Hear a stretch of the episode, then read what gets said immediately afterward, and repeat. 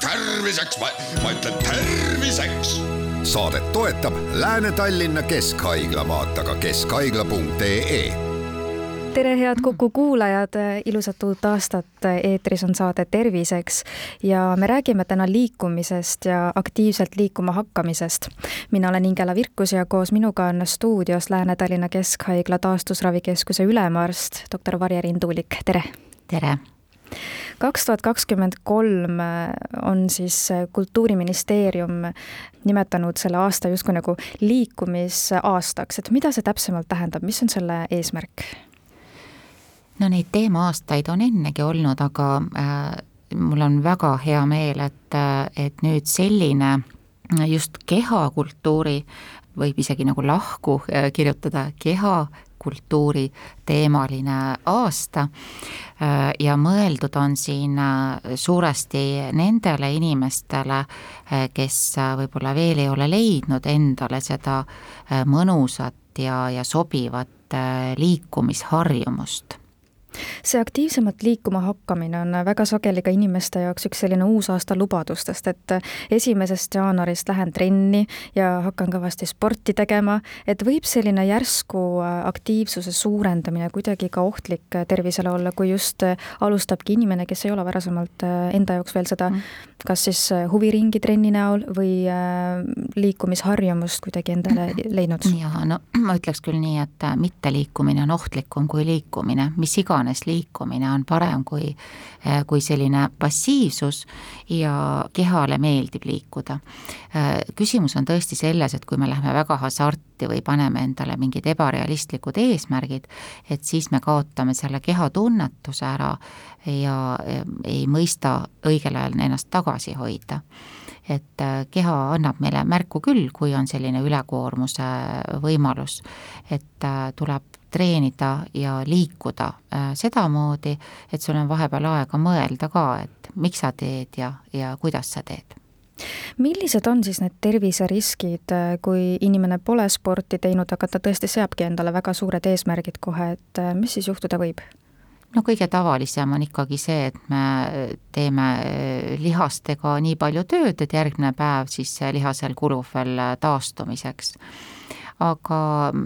võib-olla tõesti sellised äh, väga äkilised äh, ja, ja suurte kiirendustega või põrutustega spordialad on sellised, kus tasub äh, natukene ette valmistuda, enne kui, kui siis päris kellegagi võistlema minna. Kui tihti teil taastusravis tuleb selliste inimestega tegeleda, kes ongi endale liiga kõrged eesmärgid seadnud ja siis on tegelikult hoopis endale selle liikumisega ja trenniga karuteene teinud? Mm? -hmm no ikka palju vähem kui nendega, kes üldse trenni ei tee. Et äh, noh, ikka juhtub, elu ongi selline, et, et mõnikord me pingutame üle ja siis tuleb lasta kehal taastuda. ja, ja, ja on ka neid haigusi tõesti, mis tasapisi tekivad, et kui sa teed mingit kindlat spordiala, siis mingi koht saab ülekoormuse ja, ja sellega tuleb arvestada et see ei ole nüüd äh, asi, mida kin-, väga karta või, või, või haiguseks nimetada, et et sellised äh, ülepingutamised tavaliselt, äh, kui anda, tulla tagasi sellise rahulikuma režiimi juurde ja, ja teha toetavaid protseduure, et siis saab nendest üle ka mis äh, või millised võivad aga need ohud olla, te olete hästi palju rõhutanud praegu, et, et see liikumine on igal juhul parem kui üldse mitte liikumine, et mis võib siis saada, kui inimene ei liigu? no e, siis äh, saab väga palju asju hakkab juhtuma kehas, et äh, keha äh, see nii-öelda veresoonte võrgustik ei saa piisavalt sellist head hapnikurikast verd peale,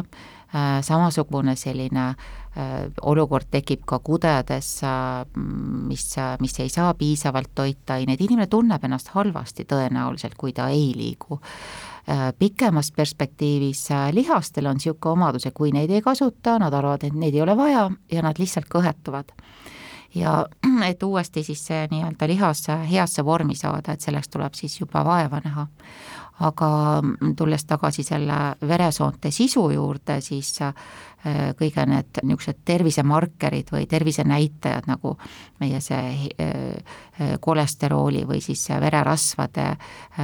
selline koostis, et see kindlasti muutub selliseks, mis hakkab seinte peale ladestuma ja, ja sellest juba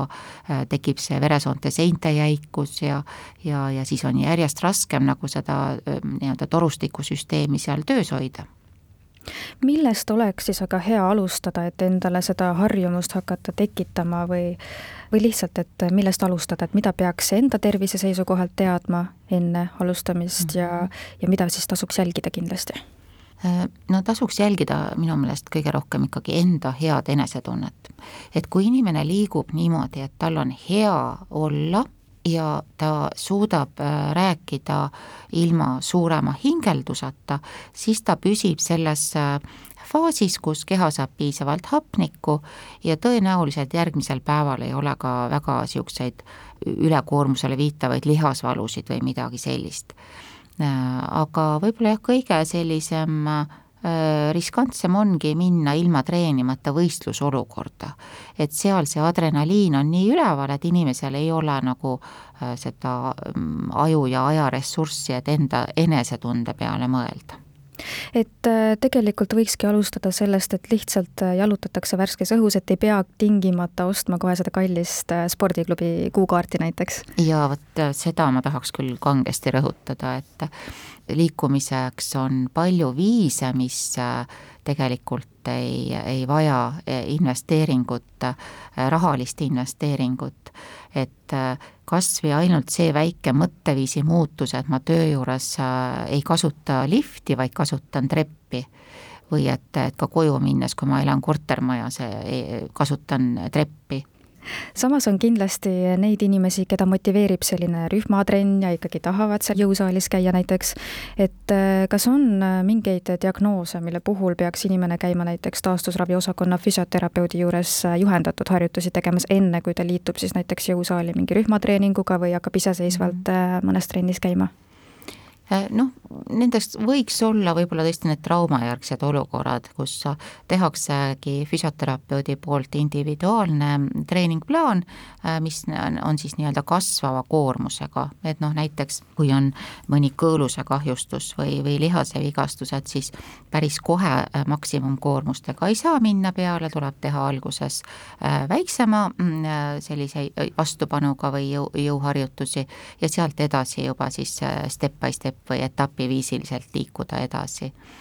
aga, aga jah, nende rühmatreeningute ja, ja ise, ise kõndimas käimise puhul mõlemal juhul on võimalik leida ka neid võimalusi, kus eh, ei pea tegema just eh, siseruumi trenni, et meil on ju ka neid eh, välis niisuguseid jõu, jõumasinatega platse, näiteks minu üks hea tuttav, kes äh, elab Saksamaal, tema ütleb, et see on väga tavaline äh, selline treeningvõimalus tema jaoks, et ta lähebki oma selle piirkonna sinna jõuharjutuste platsile ja, ja seal on teised samasugused, et see ei maksa mitte midagi ja samas see on ka väga tore selline üksteise toetav treening, kus leida uusi sõpru ja, ja sama huviga inimesi et äh, see kõik on väga individuaalne, siis äh, kellelt või kustkohast võiks siis saada selle individuaalse sellise treeningplaani, et äh, millest alustada, et, et see sobiks just mulle ja siis ma saaksin läbi selle soovitud tulemusteni, et esimene liigutus ilmselt on see, et trükin midagi Google'isse, aga sealt tuleb väga universaalset vastust. Jaa, no väga paljude spordiklubide juures on, on ka see võimalus, et inimene võtabki endale personaaltreeneri kui on haigusega äh, või haiguse järgne olukord ja oleks vaja just seda nii-öelda individuaalset plaani, kuidas taastuda, et äh, sellist plaani on võimalik saada füsioterapeudi käest ja sinna saab siis suunata nii eriarst kui perearst, et äh, selline minu meelest ikkagi väga mm, vajalik teenus on tervishoiuteenuste alt ka rahastatud me jätkame oma vestlust juba homme kell neliteist nelikümmend viis. Ah, ah, ah, terviseks, ma ütlen terviseks saadet toetab Lääne-Tallinna Keskhaigla, vaata ka keskhaigla.ee